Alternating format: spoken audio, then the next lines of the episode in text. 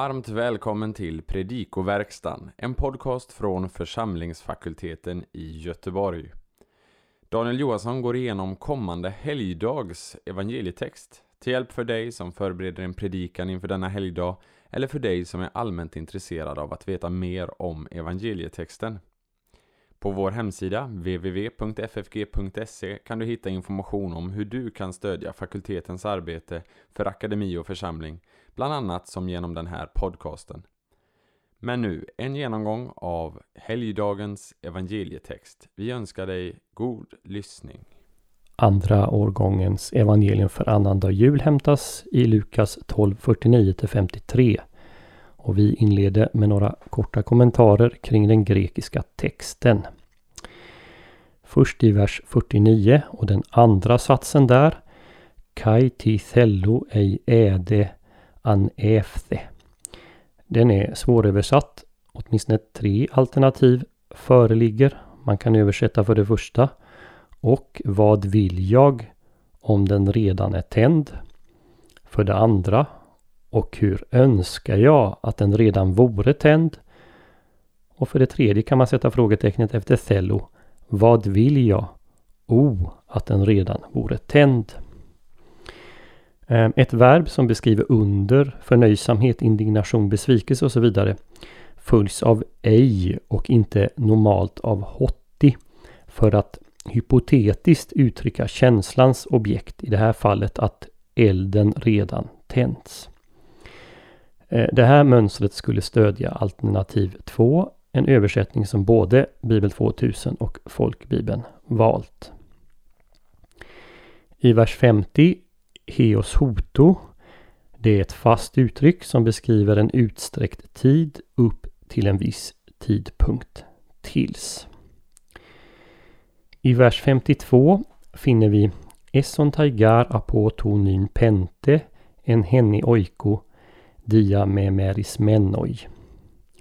Esontai hör ihop med dia memeris menoi det är en så kallad perifrastisk konstruktion bestående av verbet vara här i futurum och ett perfekt particip. Futurum perfekt, det är det mest sällsynta tempuset i både Nya Testamentet och klassisk grekiska. Eh, det uttrycker status eller villkor för verbets subjekt i framtiden. I praktiken är väl betydelsen densamma som med en vanlig futurum. Från nu kommer fem i ett hus att vara splittrade. Den här saken bekräftas av nästa vers eh, som beskriver samma sak men med verbet diamerizo i vanlig futurum indikativ.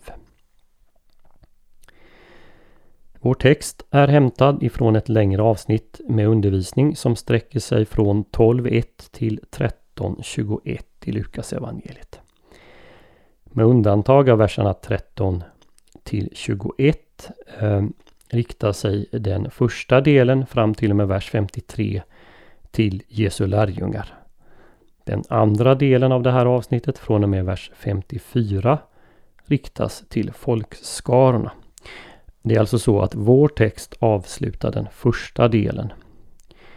Fram till och med vers 49 handlar det i tur och ordning om att bekänna Jesus, att inte oroa sig och att vara beredd på Människosonens ankomst.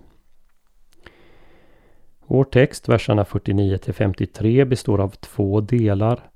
Först beskrivs i vers 49 till 50 det dop Jesus måste genomgå och sedan i 51 till 53 den splittring Jesus orsakar. Det finns ett par nyckelord i respektive avsnitt. I 49 till 50 är det eld och dop. I 51 till 53 är det fred, splittring och splittra. I vers 49 understryker Jesus starkt att han kommit och att det är hans uppdrag att tända en eld. Frågan är då vad som avses med elden. I Lukas evangeliet associeras elden både med dom i till exempel 3, 9 och 17 och med den heliga Andes kommande i 3.16. I Gamla Testamentet förknippas elden också med Guds ord genom profeterna. Till exempel Jeremia 5.14. Närkontexten talar för att elden här främst har med dom att göra. Vad åsyftas med dopet i vers 50? Det dop som tidigare omnämnts hos Lukas är Johannes dop. Men det har Jesus sedan Eh, redan genomgått. Det kristna dopet är inte heller aktuellt även om det säkert finns en koppling till det. Notera till exempel kopplingen mellan Jesu död och uppståndelse och det kristna dopet i Romarbrevet 6.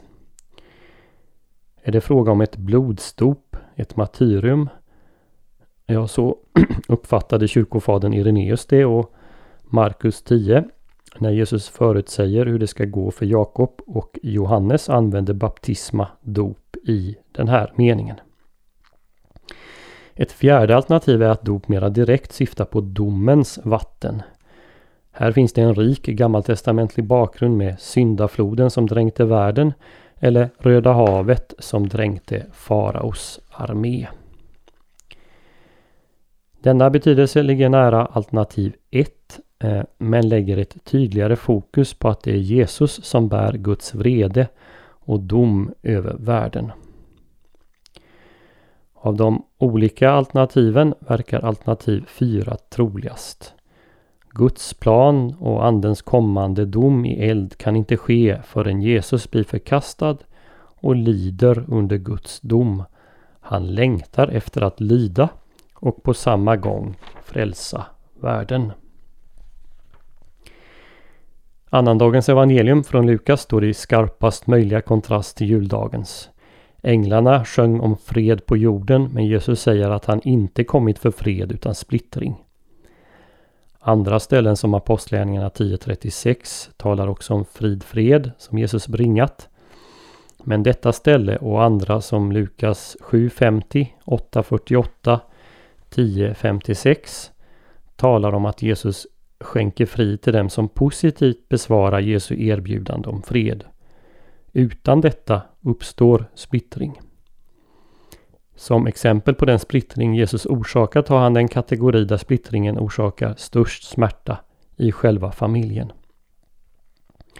Både i Israel och bland greker och romare innebar en bekännelse till Jesus att man måste ta avstånd ifrån vissa av familjens seder.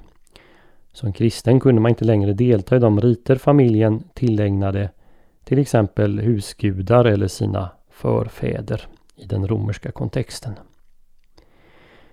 Jesus anspelar på Mika 7.6 när han talar om familjesplittringen. Men bilden är starkare än hos Mika då vart och ett av de tre paren betraktas ur bådas perspektiv. Far mot son, son mot far och så vidare. Eh, så sker inte hos Mika. Jesus återkommer senare i evangeliet till familjesplittring, både i samband med liknelsen om måltiden i 1426 och i sitt tal om änden i 21, 16-17. För den som upplever sorgen att förkastas av sin biologiska familj framställer Jesus i Lukas 8, 19-21 hur alla som hör Guds ord och gör det är en ny familj, Guds familj. Så hoppas vi att denna genomgång får bli till hjälp och välsignelse för dig som har lyssnat. På vår hemsida www.ffg.se kan du hitta information om hur du kan stödja fakultetens arbete, bland annat som genom den här podcasten. Ett sätt att stödja är att skänka en gåva genom Swish.